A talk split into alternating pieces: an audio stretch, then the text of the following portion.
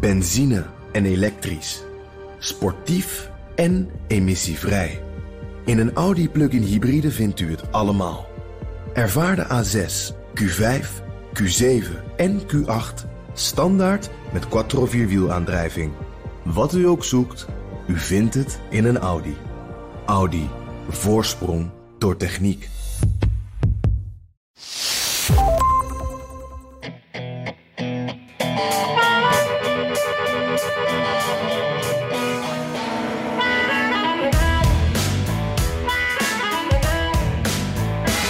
De journalistiek geldt een regel. Als er weer is, dus als er heel heftig weer is, is dat altijd het belangrijkste nieuws.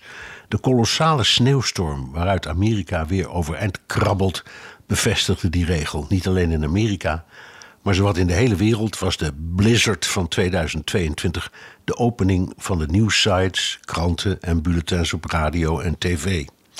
Het was ook niet niks. Buffalo in het noorden van de staat New York verdween in een pak sneeuw van twee meter dik. Dit gaat, zei gouverneur Kathy Hochul, de geschiedenis in als de vernietigendste sneeuwstorm die Buffalo ooit heeft meegemaakt. En we hebben er al een hoop gehad. This will go down in history as the most uh, devastating storm in Buffalo's uh, long storied history of having uh, battled many battles, many, many major storms. Ziekenauto's en sleepwagens liepen zelfs vast in de sneeuw en moesten met hijskranen worden bevrijd. En dan was New York maar één van de tien getroffen staten. Dit is aflevering 160 van de Amerika-podcast. In de stad New York viel geen enkele vlok sneeuw. Het was en is alleen heel koud. Mijn naam is Bernard Hammelburg met een beker koffie in de studio in Studio Hammelburg, waar het behagelijk warm is. Jan is nog met verlof en is de sneeuwdans dus slim ontsprongen. Zo niet ons nepotistische alternatief en vaste achtervanger.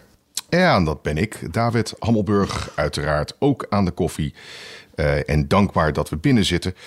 Want de verhalen over mensen die zijn dood gevroren in een huis of auto. Dat is echt uh, hartverscheurend. Uh, en als je naar de foto's en video's van Buffalo kijkt, uh, lijkt het net alsof de stad is gebombardeerd, geheel wit. Ja. Bijna niet te herkennen. Ja, het deed me echt, ja, dat mag je niet zeggen, maar het deed me ongeveer aan Gerson in, in, in Oekraïne denken. Het zag er een beetje net zo uit. Alleen is het natuurlijk veel, veel minder erg, maar toch. Um, we hoorden de gouverneur net al zeggen: we zijn echt wel wat gewend Dus uh, New Yorkers hebben iets van, daar, daar haal je je schouders over op, die dingen gebeuren. Wat maakt deze storm nou anders?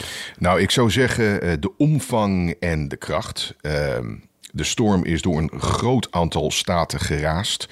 Uh, ook in het zuiden, waar zoiets zelden voorkomt. Uh, in Florida bijvoorbeeld was het net boven het vriespunt. Nou, dat gebeurt bijna nooit. Uh, en dan de kracht. meteorologen zeggen, als dit een wervelstorm was, zou het een categorie 2 zijn.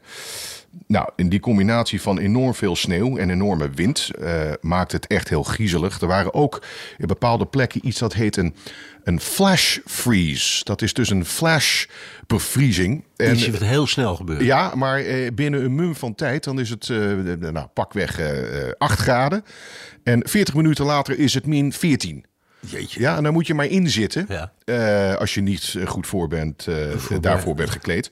Maar er gebeurde in Buffalo nog iets veel ergers. Uh, een van de, de politici uit de, de, de Erie County, waar Buffalo in ligt, die kwam vandaag nog met een.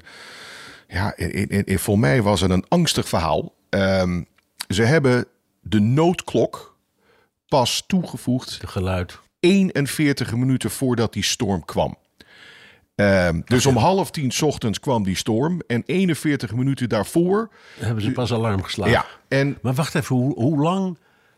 Meteorologen, die wordt gek van meteorologen op Amerikaanse televisiestations. Want die zijn er soms langer dan de rest van de uitzending. Die leggen alles en alles en alles en alles uit. Dus hoe lang van tevoren wisten ze dit al? Niet lang genoeg. En dat is dus een van de nadelen. Kijk, je kan uh, best op, op de kaart kijken uh, en meteorologische kaarten wat er allemaal gaat gebeuren, ja. maar niet de timing daarvan.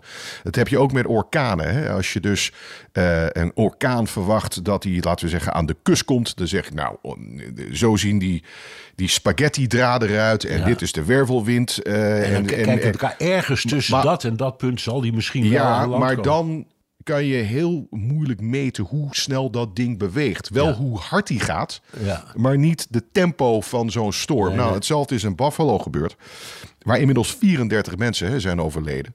Um, en het, het, het sneuien van dit verhaal is als ze dus eerder op de noodrem hadden getrokken.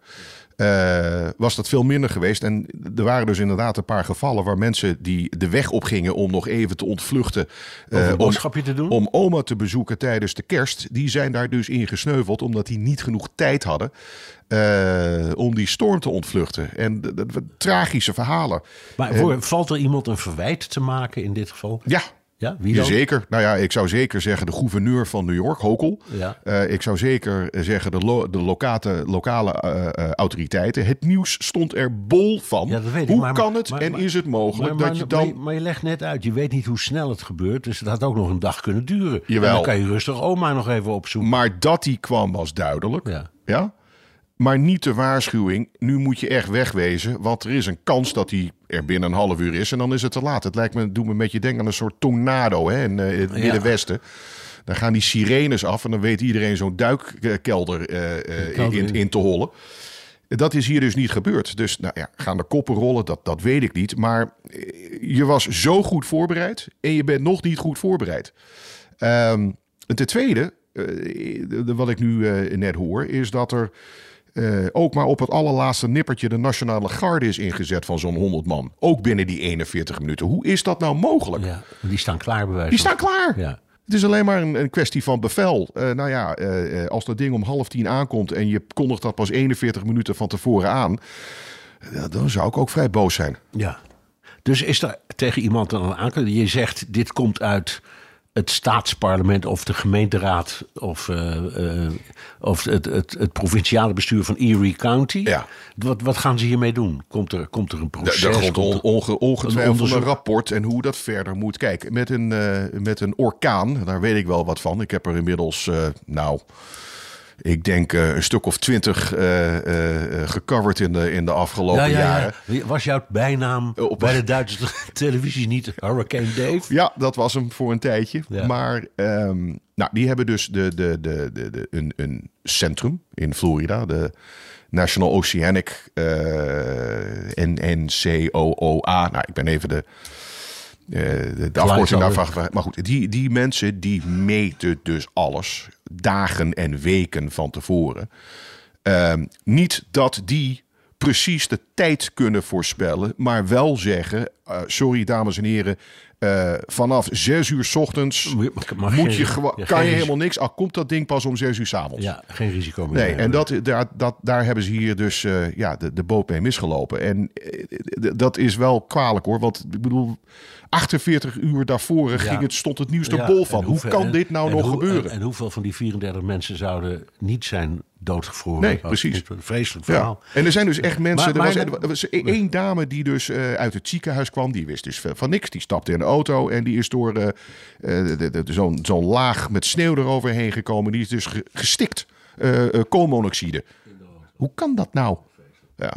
Nou, aan de andere kant... Um, zo'n krachtige, hevige sneeuwstorm is geen uitzondering. Nee, maar. Um... Dus ze weten, ze weten doorgaans heb je je spullen ja. klaarstaan. Je, je, je, je, je auto's met zout, je hijskranen, je, je, je, ploegen, je ploegen, je voorraden, ja. noem maar, maar op. Hoe het mij wordt uitgelegd door een expert uh, die hier veel van weet, is het volgende. Wat voorheen een één keer in een generatie evenement was. Of één keer in een honderd jaar. Of één keer in de half eeuw. Of één keer in de kwart eeuw. Dit soort verschijnselen komen nu één keer in de twee tot vijf jaar. Ja? Um, dus het, dat is het grote verschil. Maar dan moet je. Maar dat is ook het eerste wat ik dan denk is. Des te meer reden om, om voorbereid te zijn. Des te reden om voor, eh, meer voorbereid te zijn, dat klopt. Maar uh, ineens in een generatie, dus waar Hokel het over heeft, dat, dat bestaat niet meer. Dat, dat gebeurt nu één keer in de, in, in, in, in de paar jaar. En het moeilijk is, nogmaals, uh, de experts vertellen mij, is dat het zo moeilijk is te meten. Kijk, je gaat meten met wat de norm is. Maar in extreem weergevallen is het heel moeilijk om de norm te meten. Um, dus een van de nadelen die je nu ziet in deze cyclus, en laten we zeggen, pakweg van de afgelopen twintig jaar.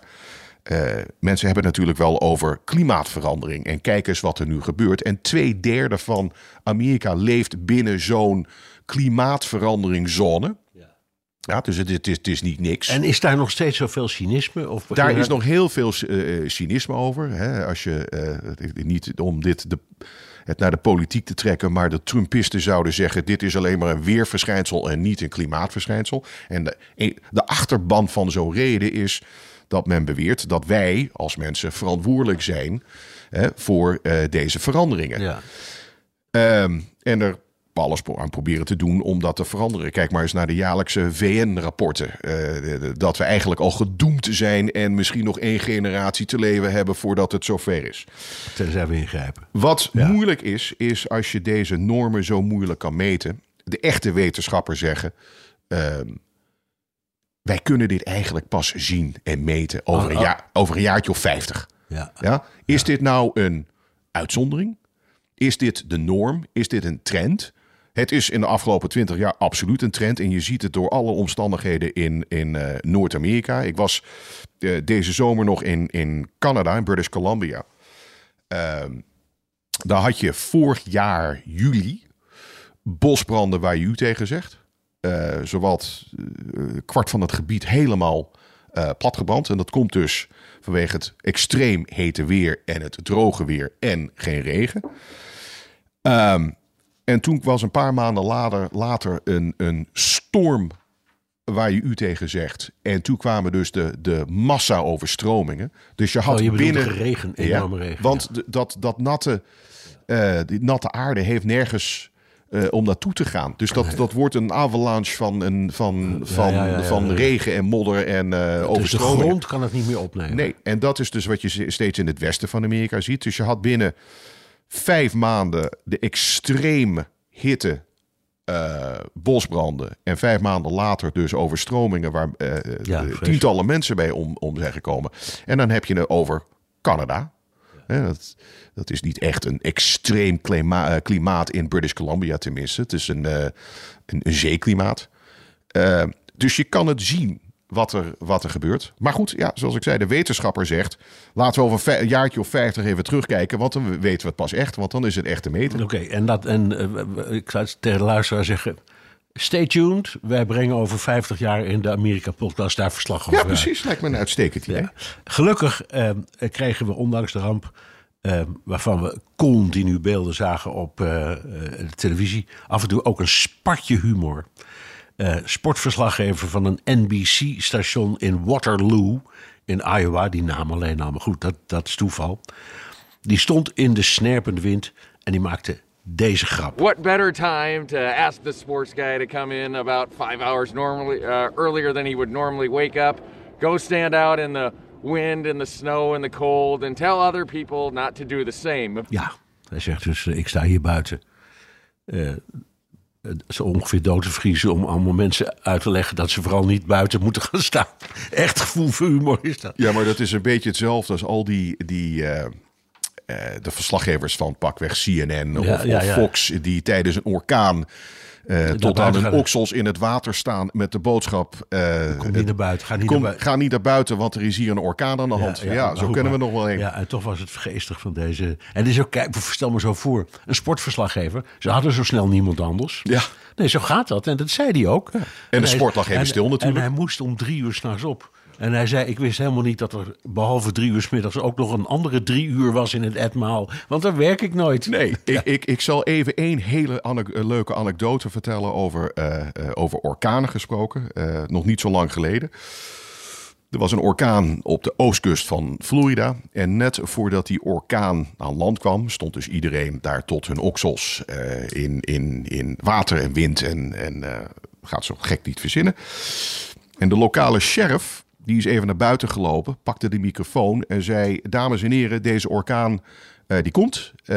schuilen, wegwezen. Ehm, maar doe mij een lol. Ga alsjeblieft niet op de orkaan schieten, want dat heeft geen zin.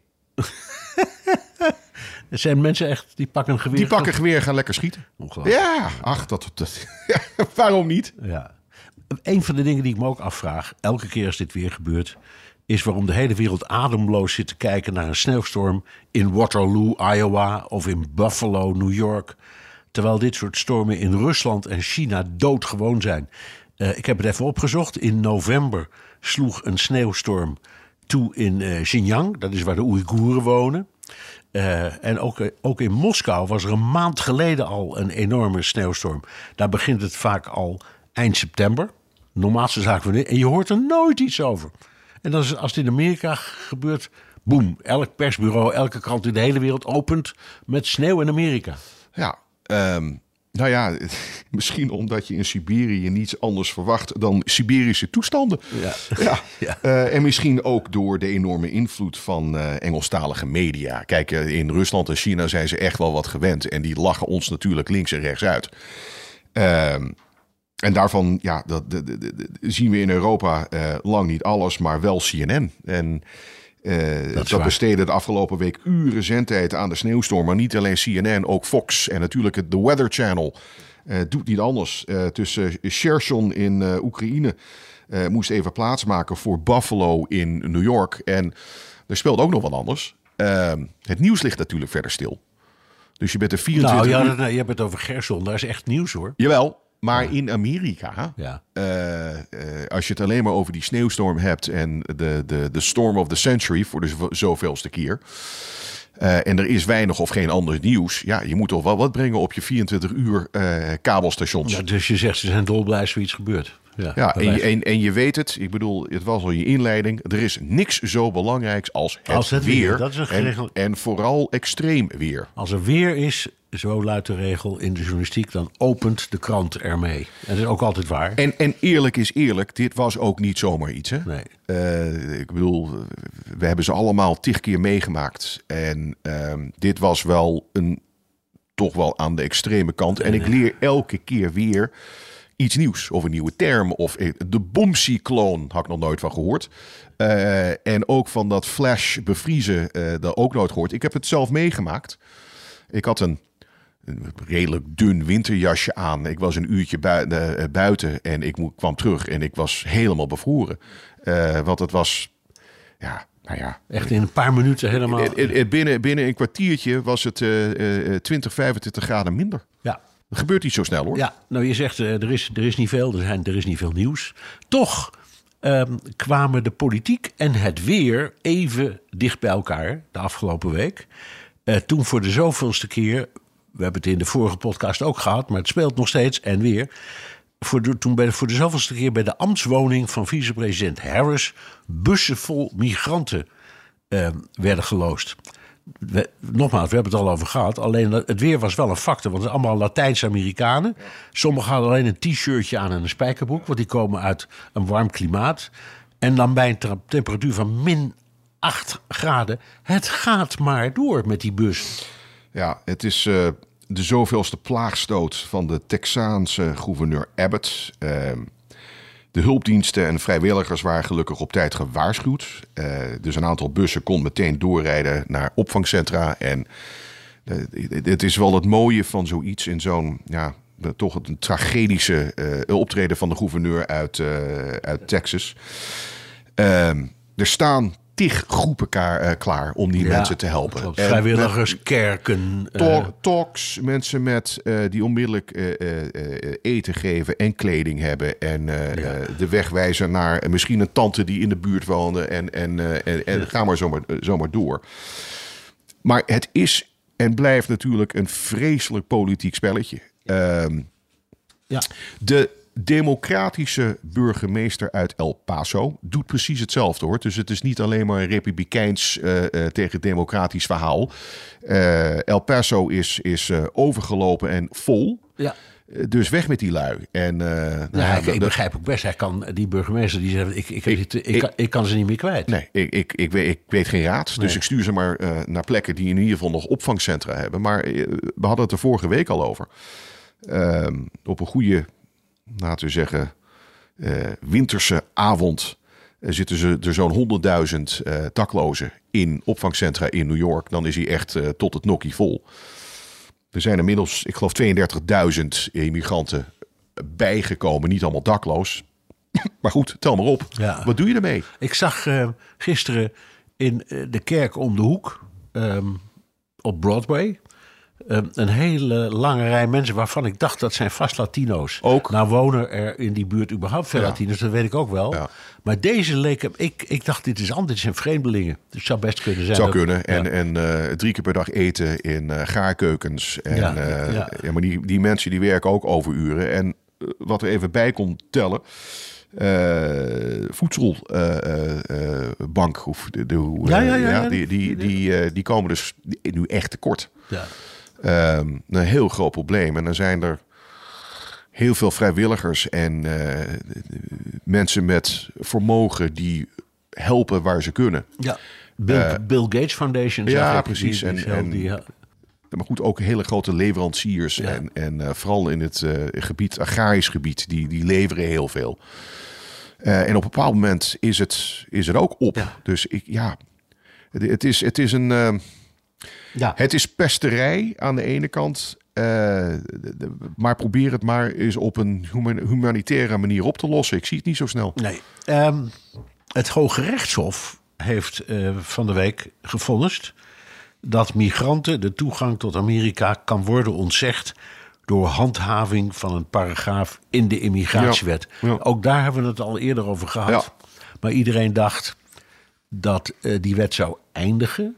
Maar dat is dus niet gebeurd. Nee, um, dat was vanwege uh, de, de, de pandemie. Hè? Dat, ja. dat, dat, was dus zo'n regeltje tussen de wetten waar je mensen met een ziekte zou kunnen verwijderen. Ja, je kunt zeggen, als er een verdenking is dat mensen ziek zijn, dan gelden de gewone immigratieregels niet. Dan laat ik ze er niet in. Ja, nou, het gaat om uh, Title 42. Uh, nogmaals, we hebben het daar vorige week ook al over gehad.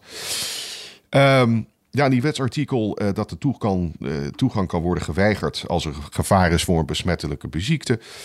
En uh, Trump had die regel ingesteld, maar met een beperkte lo een looptijd. Loop, ja. En het Hoge Rechtshof heeft nu dus gevonnist dat de looptijd kan worden verlengd. Maar er zitten nog zoveel mensen bij de grens dat ik voorlopig ook geen einde zie komen aan die bustransporten. Dus er zijn twee vragen. Uh, hoe lang kan je die regel binnen die wet hanteren? Ik bedoel, ja, het is nu winter.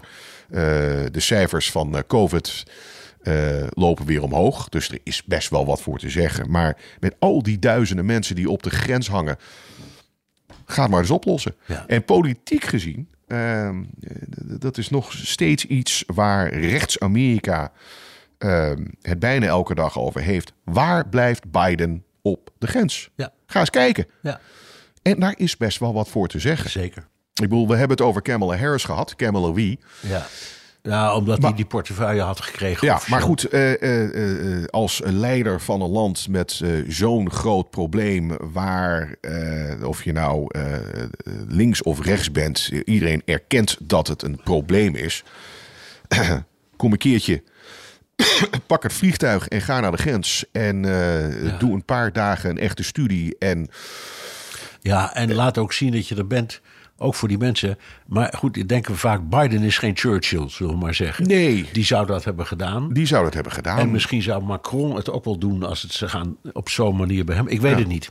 Nee, maar, maar het gaat uh, niet alleen om die mensen, maar ook om de staf en de Border Patrol en de immigratiediensten daar. En je, je hebt best wel de beelden gezien van de kinderen die worden opgepakt en die zitten dan in een rechtszaal als ze vijf of zes zijn met een tolk eh, tegenover een rechter weten zij van hun santé. Het zijn allemaal vreselijke omstandigheden.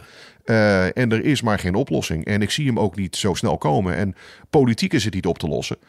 Humanitair is het niet op te lossen. Dus wat doe je? Ja. Ja. Ik bedoel, als je naar Griekenland kijkt en al die, eh, die vluchtelingen Nou, er is die, wel- op Les, wat was het, Lesbos Eh, aankomen. ja. En wat, wat, hoe doen zij het? Ja, nou, het, die zitten daar nog steeds voor een groot deel. En die worden ook mondjesmaat, bij mijn weten, dan wel verdeeld over landen van de Europese Unie. Eh, maar je kunt natuurlijk één ding doen wat Bush 2 heeft voorgesteld. En Obama ook heeft voorgesteld. Namelijk, geef alle illegalen die in Amerika zijn een generaal pardon. Ja, dat zijn dus 12 miljoen mensen 11 of zo. of 12 Ja. miljoen mensen. Ja. Ja. Eh, we gaan daar niet meer moeilijk over doen. Niet meer allemaal mankrachten inschakelen om te kijken of we die eruit kunnen zetten. Ehm, en eh, sluit dan de grens echt. Ja. Dus zeg dan tegen, maak dan ook duidelijk tegen het buitenland, tegen de Mexicanen. ehm, eh, er komt toch een soort van muurachtige oplossing van Trump.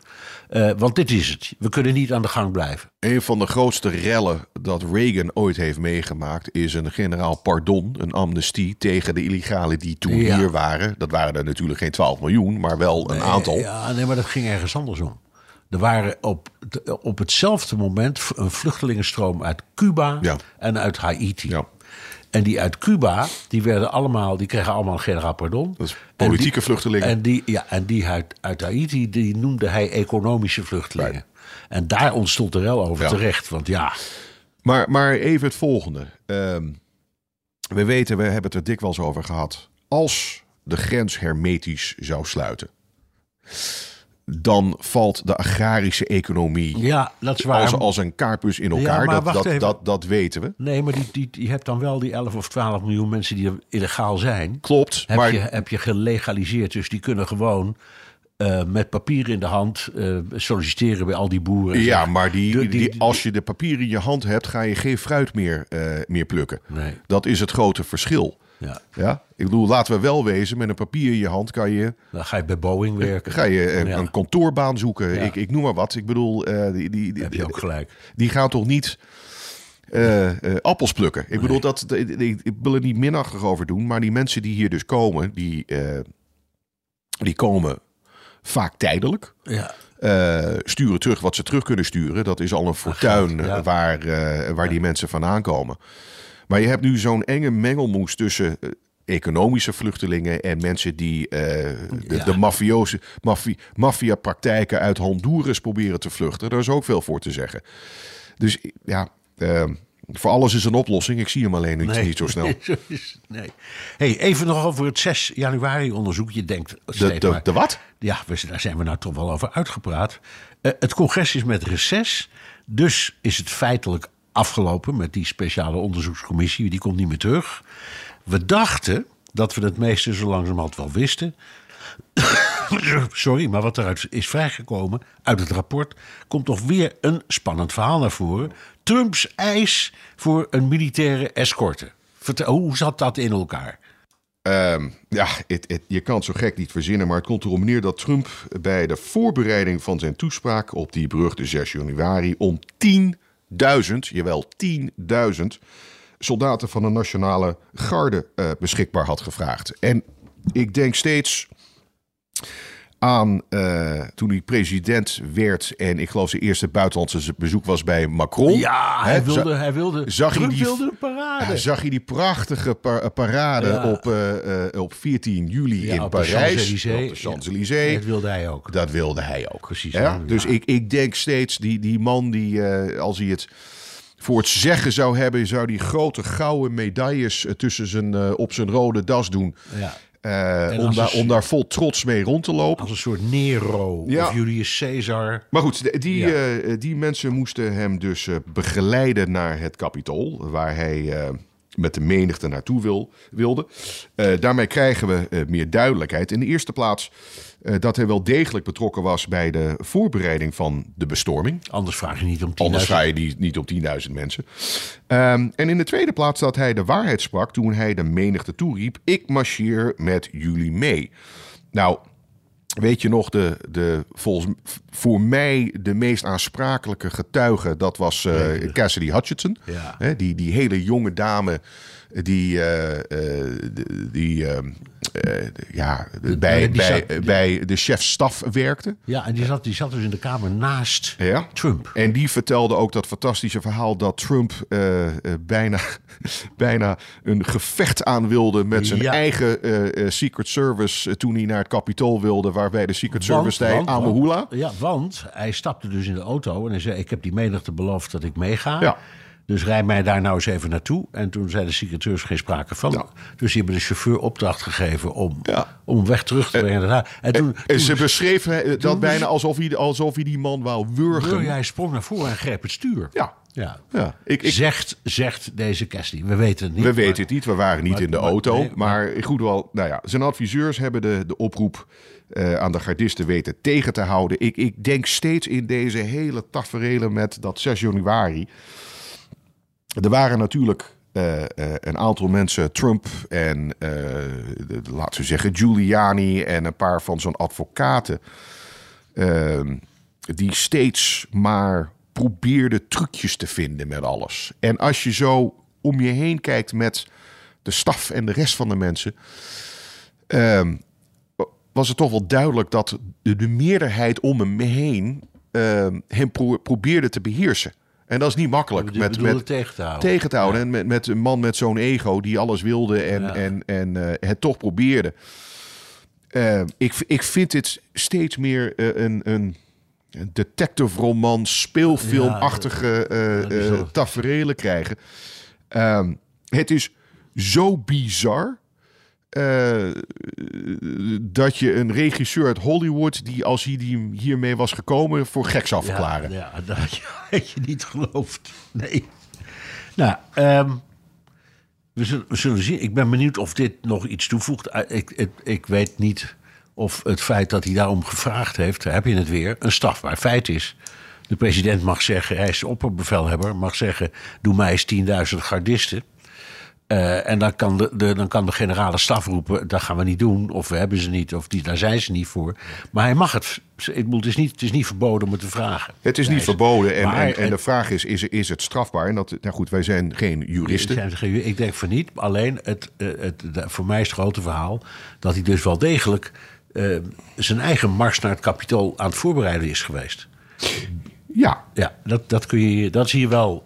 Maar er is in, in Amerika een, eh, eh, een wet. Je, je mag, eh, veel is onder de eerste amendement van, van de Vrij- grondwet vrij vrijheid van persoonlijke spreken. vrijheid. Maar je mag bijvoorbeeld, het is bewezen, eh, niet roepen... eh, er is brand in een vol theater. Nee, nee, dat is nee, tegen de wet. Dat is waar. Ja? Dus als Trump roept... Let's go to the Capitol and give him hell... Ja. is dat niet hetzelfde als we gaan nu eh, het kapitool in de fik steken. Nee, dat is waar. Toch? Ja, ja dat is waar.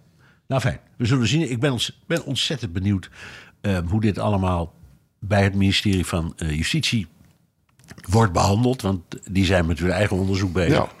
Nou ja, het, het, het, het past bij het zoeken van bewijs hè, naar eh, Trumps persoonlijke betrokkenheid. Ehm, en hij wilde waarschijnlijk zelf eh, de vergaderruimte binnenstormen, maar het waar het congres bezig was de overwinning van Biden te bevestigen.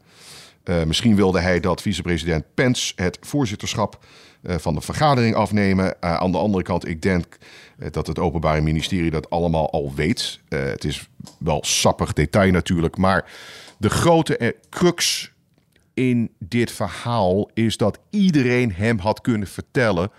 Mike Pence kan niet anders dan dit te bevestigen. Je kan allemaal trucjes verzinnen over wat wel mogelijk is en niet mogelijk is. En het is een archaïsche wet hoe dat er allemaal uitzag van 150 jaar geleden. Allemaal begrijpelijk. Ehm, en je kan ook zeggen, als goede advocaat probeer je altijd de argumenten en tegenargumenten te vinden. En als er ergens maar een piepgaatje is eh, voor een opening, neem hem. Maar iedereen wist, Pence, Pence kon had- niet anders. Sterker nog, Pence kreeg advies van eh, voormalige eh, vicepresident Dan Quayle. Ja, Ehm, kun je nagaan. kan je nagaan. Ja. We gaan het even niet over Quayle hebben. Maar eh, zelfs Quayle zei, jongen, sorry. Ja. Ja, het is over en uit. Ja, je moet alleen de, de, ehm, je moet de verkiezingsuitslag bevestigen. Dat is wat je moet. Oké. Ja, en dit is een symbolische rol en that's it. We gaan zo verder, maar eerst onderbreken we de Amerika-podcast. Even. Benzine en elektrisch. Sportief en emissievrij. In een Audi plug-in hybride vindt u het allemaal. Ervaar de A6, Q5, Q7 en Q8 standaard met quattro vierwielaandrijving. Wat u ook zoekt, u vindt het in een Audi. Audi. Voorsprong door techniek. Voor een mededeling. Zullen wij naar de luisteraarsvragen gaan? Uh, die zijn welkom via de mail uh, of via de Amerika Podcast WhatsApp. Uh, daar kun je je vraag, opmerking ook inspreken en het nummer is 06 28 13 50 20. Ik herhaal 06 28 13 50 20. En hou je voiceberichten graag binnen ongeveer 30 seconden. En ook andere berichtjes via WhatsApp, uh, e-mailtjes, uh, maar het, alle, alle uh, communicatiemiddelen. Hou het beknopt, dan hoeven we er niet in te knippen of uh, te redigeren. Dat kunnen we zo voorlezen. Hier komt er eentje van Katja Meertens. Hallo Jan, Bernard en David. Jullie hebben het in een eerdere podcast gehad over wanneer Biden zou aankondigen of hij voor een tweede termijn gaat. Of hij dat nu wel of niet wil, is het tactisch om het nu al te zeggen. Kan hij niet beter tot het laatste moment wachten? En wanneer is het laatste moment eigenlijk?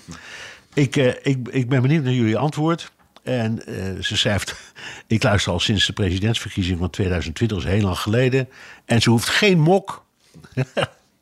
Want ze heeft een hele kast vol koffiemokken. Oké, die krijg je dan niet, Katja, maar je krijgt wel antwoord op je vraag. Want uh, uh, ik, zeg ik, even, ik begin gewoon maar even. Een van de redenen waarom de timing belangrijk is, is zolang je niet officieel kandidaat bent, uh, hoef je je ook nog niet te houden aan de officiële campagneregels. En dat gaat dan voornamelijk om het inzamelen van geld. Um, zolang je geen kandidaat bent, dan uh, kan je bijvoorbeeld een, een Political Action Committee oprichten. En dat kan dan zijn het Political Action Committee dat de kandidatuur van Katja Meertens steunt. En op het moment dat Katja Meertens dan zegt: Oké, nu word ik kandidaat. Dan zegt die PEC, oh, maar dan hebben we al een paar miljoen voor je ingezameld. Die storten we dan nu in jouw potje. Op het moment dat je officieel kandidaat bent, mag dat niet meer. Want dan gaat het met giften van maximaal 1000 dollar per persoon. En er allerlei 2000, nou ja, 2000 dollar per persoon. Dus er zijn, er zijn restricties aan. Tenzij, daar heb je ook, dus je hebt presidenten die uh, in hun campagne daar niet aan, die, die, uh, die stellen, die doen geen beroep op de, op de subsidieregeling. Dus die zeggen, wij doen het zelf. Obama heeft dat gedaan. Ja. En dat was de eerste die uh, het helemaal heeft gedaan met, je zou kunnen zeggen, crowdfunding. Um, Biden heeft al een aantal keer een suggestie gedaan dat hij gewoon meegaat. Uh, zijn vrouw heeft suggesties gedaan. Hij heeft het gehad over zijn gezondheid. Uh, dat zo goed is en dat hij uh, best tevreden is over wat hij allemaal heeft kunnen bereiken.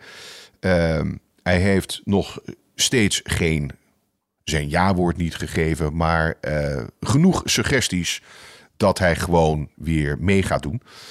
Ehm, ik zit ook, en we hebben het er vaak over, uh, wie anders op dit moment. Ja. Um, nou ja, dat, maar dat, er, is, er, is, hebben nog twee jaar de tijd. Jawel, dat weet, hij, uh, dat weet hij zelf ook wel. En zolang Trump uh, kandidaat blijft, je weet natuurlijk nooit wat er met hem gebeurt, heeft Biden nog steeds een uitstekende kans. Als ja. het DeSantis zou zijn, zou dat een ander verhaal worden, denk ik. Ja. Maar ehm, Biden zegt steeds: ik zie geen reden om niet mij kandidaat te stellen. Dus hij, hij keert het allemaal een beetje om en hij laat ons allemaal een beetje met een cliffhanger. Maar ik, ik, ik, ik, zie, dat, ja, ik zie dat wel gebeuren. En bovendien, uh, er zijn heel veel mensen binnen zijn eigen partij die eigenlijk best wel tevreden zijn over uh, ja. wat hij allemaal heeft gedaan. Uh, en ik geloof dat ook, laten we zeggen, de progressieve kant van de partij uh, realistisch genoeg is om te zien wat hij allemaal wel kan. Uh, zijn ze dom met hem? Nee. Uh, maar ja, ik heb het steeds over wat zijn de andere keuzen dan wel precies? Ja, en die zijn er niet, inderdaad. Nou, tenminste, tenminste, nog niet. Het, het blijft een fantastische vraag, Katja. En het is altijd spannend om te kijken wanneer iemand echt kandidaat wordt. Ook als je weet dat hij het gewoon. Ook als je zeker weet dat hij het wordt, dan, heeft, dan kan hij nog wachten met bekend. Ja, ik, ik- nog één ander eh, eh, ding. Ik denk dat Trump zichzelf kandidaat heeft gesteld om de Santos voor te zijn. Maar Biden, die, dat, is daar, dat is nergens voor nodig. Dus ik, het zou me niets verbazen als... Wanneer beginnen de voorverkiezingen? Nou, januari, februari Volgend eh, jaar. volgend jaar. Dat hij pas tot het, dit na, of, eh, het najaar 2023 wacht om zich officieel kandidaat te stellen. Oké, Johan van Pijkeren. Beste Bernard, Jan en.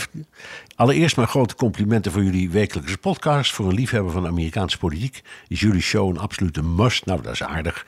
Nadat we met de familie in oktober voor de tweede keer in New York waren... dit keer een uitstapje naar Washington hebben gemaakt... luistert mijn oudste dochter ook wekelijks naar de podcast. Jullie programma wordt door jong en oud dus klaarblijkelijk gewaardeerd. Fijn. Leuk. Leuk, ja. Mijn vraag, zijn er in Washington ook politici actief binnen de Democratische en of Republikeinse partij... die de enorme polarisatie en strijd tussen de twee partijen moreel verwerpelijk... en slecht voor de inwoners van de Verenigde Staten vinden... en een beroep doen op collega's om hiermee te stoppen? Het korte antwoord is ja, die bestaan. Maar- ik weet ook wie, maar je zult ze nooit horen. En reden daarvan is, kijk eens naar de 6 januari-commissie. Daar zijn dus een paar overlopers, eh, Republikeinen. Republikeinse overlopers, de overlopers die mee zijn gegaan. En die hebben om de beurt, stuk voor stuk, allemaal hun. ehm, hun eh, Die hebben zetel verloren. Die hebben zetel verloren. Ja. Ja, en Liz Cheney, laten we even wel wezen, dat is. Eh, dat, dat balletje rolt niet ver van, eh, van Nee, haar paps. Een buitengewoon rechtse, Ja, eh, alleen... conservatieve vrouw. En dat was dus een van de weinigen die zei: tot hier en niet verder. Ik doe mee. Ze was trouwens fantastisch in haar redeneringen en in haar toespraken. Wat heb ik mijn pet afgenomen voor hoe die vrouw dat allemaal heeft aangepakt. Eh, en ze, heeft niet eens in de, in de verkiezingen verloren, maar in de voorverkiezingen. Ja. Zo, sterk en, en zo erg zit dat binnen de Republikeinse Partij. Ja. Not done. Nee. En dat, is dus, dat, ja, dat zijn de gevolgen daarvan. Ja, nou goed, zij komt uit Wyoming en dat is ook wel een heel uitgesproken republikeinse staat. Dus dan moet je ook. eh, Ja, dat klopt. Maar eh, je, je hebt het nu dus over de persoon uit een hele Jawel, rechtse maar, Dat staat. waar, maar in voorverkiezingen gaat het alleen maar. Er wonen nog geen miljoen mensen Nee, in, klopt. in Wyoming. Dus oké, dat het kan allemaal gebeuren. Maar de vraag meer in het algemeen. Jij zegt, dus ze zijn er wel, de redelijke. De mensen, de stem van de redelijkheid is nog wel ergens. Ik moet eerlijk zeggen dat ik hem zelden hoor. Je kan zo misschien op één hand tellen. Ja. Eh, kijk, een John McCain, dat is er niet meer. De Maverick. Je hebt het binnen de Republikeinse Partij, de senator uit, eh, eh, uit West Virginia. Ehm, die, eh, die dus een soort McCain. De- dat is een democraat. ja, dat, is- dat ja, bedoelde ja, ik, sorry. Joe Manchin. Joe Manchin, de- dat, die speelt een soort McCain-rol. Ja. Ehm, En je hebt Mitt Romney, Je hebt Mitt senator Romney, die- uit, eh, uit eh, Utah, Utah, precies. Uit, voor de Republikeinse Er- er Partij. zijn er dus wel een paar.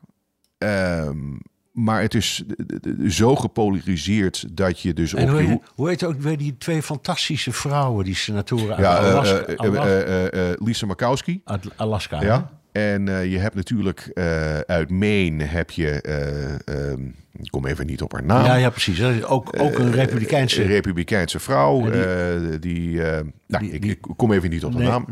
Maar goed, ook, je- ik ook niet, maar die kiezen meestal, uh, laten we zeggen, de stem van de redelijkheid, zoals je die noemt. Ja, behalve als bij puntje bij paaltje komt met, eh, met de abortuskwestie en dat soort dingen. Maar nu even, hè, je hebt het over een persoon. Hè, de, de, de, de, de, de redelijkheid binnen een partij. Maar als het over om een issue gaat, dan telt dat toch wat anders. En ik, ik heb heel veel geleerd. Ehm, van de referendum over de abortuswet in de staat Kansas. Ehm, Kansas, net zo oerconservatief als Wyoming, stemde dus voor het recht op, eh, op abortus. op abortus. En daar. eh, Dat verbaasde mij zeer dat in zo'n rechtse staat ja. een issue ehm, Ja, nog steeds telt. Ja. Ehm, goed, iets anders dan die immigratie, maar, maar eh, wel iets wat, wat de, de kiezer in Kansas eh, toch zeer kwalijk heeft genomen over die hele abortuskwestie. in het Hoge Gerechtshof. Dus eh, meer een issue dan een Liz Cheney, laten we zeggen. Een anoniem, anonieme, ehm, jammer. Ja, jammer toch. Want ik vond hem leuk. Ehm, bij de laatste aflevering gaat het over de wisseling van links en rechts in de Amerikaanse politiek. Jullie komen met Wilson en Reagan als kantelpunt, ehm, keerpunt. Mijn leerlingen, hij gaat blijkbaar in het onderwijs, op welk niveau weet ik niet, maar ehm, mijn leerlingen leer ik altijd dat FDR, Franklin Roosevelt, met zijn New Deal de politieke houding definitief veranderde. eh, omdat onder hem de Democraten meer staatsbemoeienis in de economie gingen omarmen. Waar de traditionele Democraten geen federaal ingrijpen wilden. Waardoor dit een significant nieuwe koers werd. Onder zijn voorganger Hoover werd al krap geldpolitiek gevoerd. En de Republikeinen hebben na FDR's kentering positie genomen tegenover hem en dus rechts. Hoe kijken jullie naar die verklaring? Goed uit Woerden, zegt hij. Luistert op het station dat de trein te vroeg is weggereden. Je zit op het perron te luisteren. Ik, Ja, ik, ik ben het er helemaal mee eens. Eh, het geval FDR. De meeste, ehm, laten we zeggen, Reagan-Bush-tijdperk Republikeinen waren allemaal FDR-democraten. ja, Reagan was dat ook. ja. Ehm, maar of hij nou.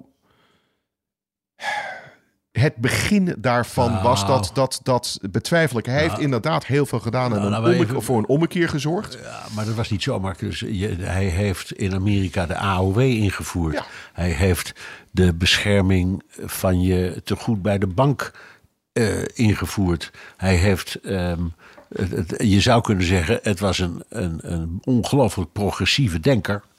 Eh, ehm, Maar, maar dat was Ulysses Grant ook. ja, Eh, Om een voorbeeld te... maar, eh, maar, nee, maar, de, maar de vraag toen, wat we vorige keer zeiden was... wanneer is nu het zuiden massaal gaan stemmen op de Republikeinse Partij? Dat was voor mij meer het uitgangspunt van de vraag die we toen stelden. Eh, en die is dus eh, anders dan deze helaas anonieme vraagsteller. Eh, en dat, daarvan blijf ik zeggen, de eerste tekenen waren de, de Reagan Democrats. de Reagan Democrats. En daarvoor kun je zeggen, onder Goldwater was er al een Ja. verschuiving. Maar goed, even een, een voorbeeld onder reconstructie hè, met Ulysses S. Grant, de, de generaal van het noorden, die dus de oorlog heeft gewonnen, daarna president is geworden. Buitengewoon eh impopulair, omdat hij, eh, nogmaals als generaal, dacht: wat ik heb veroverd, moet ik dus ook nu kunnen teruggeven. Maar dan zonder de slavernij. En die ommekeer moeten we wel maken. Dus ook daarin lag al een ommekeer tussen, ehm, eh, tu- tussen laten we zeggen, de rechten van minderheden en ehm, equality under the law, zoals we dat hier zo mooi noemen. Gelijkheid onder de wet. Ja, dat, dat, dat was al onder hem. Maar het, was, het is een hele moeilijke vraag, omdat er niet één tijdperk is waarvan je kan zeggen: ja, dit was nou het moment. Er waren, dat is in de afgelopen 150, wat zeg ik nou? Ja, 150 jaar steeds weer kantelpuntjes. Ja.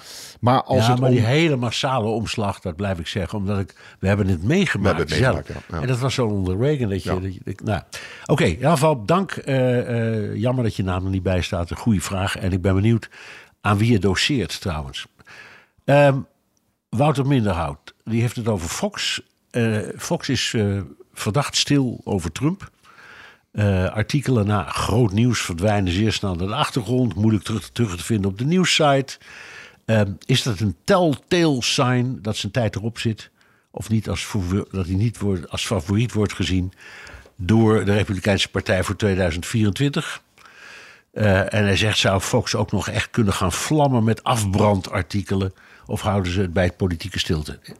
Wat ik op Fox zie, zodra er anti-Trump nieuws is, of weer nieuws uit de 6 januari-commissie. Als je dus naar Tucker Carlson kijkt, of naar Laura Ingram, of eh, naar de, de Hennessy. ja, Sean Hannity, naar de opiniemakers Ja. s s'avonds, dan negeren ze het hele onderwerp. Dus het is niet zo dat ze het niet over Trump hebben, Maar dan gaan ze onmiddellijk naar eh, de laptop van Joe Biden. Eh, van de, de, de, Ah, de, de, van de- van Hunter eh, Biden. Hunter Biden. Of ze gaan naar de, de, de grens en gaan daar toespraakjes houden met, zijn- met Border maar- Patrol mensen. Maar het zijn geen pro-Reagan, sorry, pro-Trump pre- preken meer. Die hielden ze in het begin wel. Jawel, je ziet het met de gasten. Ja. Hè, dat, eh, laten we zeggen, de, die, die beweren de onschuld van Trump en de heksenjacht tegen hem. Ja. Maar daar houdt het verhaal inderdaad bij op. Ze gaan er niet verder eh, dieper op in. Dus ze zijn niet zoals tegenwoordig heet hem aan het cancelen. Nee, eh, ze zijn hem aan het verdedigen. En ze zijn hem. ja, het, is het, echt, het Maar- woord hek, ik heb nog nooit zo vaak het woord heksenjacht gehoord. En, en no- nogmaals, eh, beste manier verdedigen is, eh, eh, Is de is, aanval. is de aanval. Hè, hebben we in schaken geleerd. Dus laten we het over Hunter Biden hebben. Maar we hebben het, dat is waar, maar we hebben het in het. Maar dat, zijn, dat noem je hier whataboutism. Hè? Ja. Dus jij zegt eh, dat, eh, tegen mij, dat doe je verkeerd. En, en dan roep ik tegen jou, ja, maar jij doet iets anders verkeerd. precies. Dat heet whataboutism. Dan praat je over twee dingen in plaats van één. Ja. Ehm, ehm, niettemin heb ik toch de indruk, hebben we vorige keer geloof ik ook over gesproken, dat alle Murdoch-publicaties, of dat nou Fox is of de Wall Street Journal of, ehm, of ehm, eh, de New York Post, dat die zich allemaal wel degelijk een beetje aan het afwenden zijn van Donald Trump. Je ziet een soort van afscheidsbeweging. Ik denk dat ook Fox en Murdoch en de New York Post een beetje Trump-murf zijn. Eh, Ja, mooi Eh, geweest. het, is, het, is, het is wel een beetje mooi geweest. Maar dat is niet hetzelfde als cancelen. Maar vergeet niet dat toen Trump zijn toespraak maakte. eh, wat stond er altijd ook alweer op de voorpagina van de New York Post? Oh nee, toen hij zijn kandidatuur Eh, aangaf. toen hij, eh, ja, eh, Ja, er stond een, een, een man uit Florida. ehm, stelt, zich, stelt, zich, stelt zich kandidaat voor een politieke partij. ja, op pagina 7. Ja. Ja, dus dat was ook wel natuurlijk eh, eh, eh, wel leuk- een, een hele leuke en een hele leuke grap. Maar ik, ik Maar eh, ook wel, ook wel een teken aan de wand. Wat zijn we allemaal moe van die man? Ja, ja, ja. Nou, eentje, die, de, dat is eh, de, eh, van Fred Timmerman, die zegt alleen... ehm, die zegt alleen dat hij het zo leuk vindt om eh, te luisteren. Nou, fijn, want daar doen we het ook voor. Dankjewel, Fred. En dat was hem, eh, de Amerika-podcast. Terugluisteren kan via de BNR-site, Apple Podcast en Spotify. Heb je vragen, opmerkingen, kritiek of complimenten? Eh, dan kan het ook met een tweet naar Jan Posma USA of BNR De Wereld. Of heel ouderwets een mailtje naar dewereld.bnr.nl. En eh, je kunt ook vragen inspreken of intikken op de Amerika Podcast WhatsApp. Nogmaals 06 28 13 5020. Welk platform je ook kiest, zet behalve je naam ook je adres in de tekst. Want dan maak je kans op die inmiddels beroemde Amerika-podcast. Koffiebeker. Tot de volgende week zitten we hier weer met z'n tweeën. Gezellig. Ja, gezellig. Gaan, gaan we weer doen. Tot volgende week. Tot volgende week.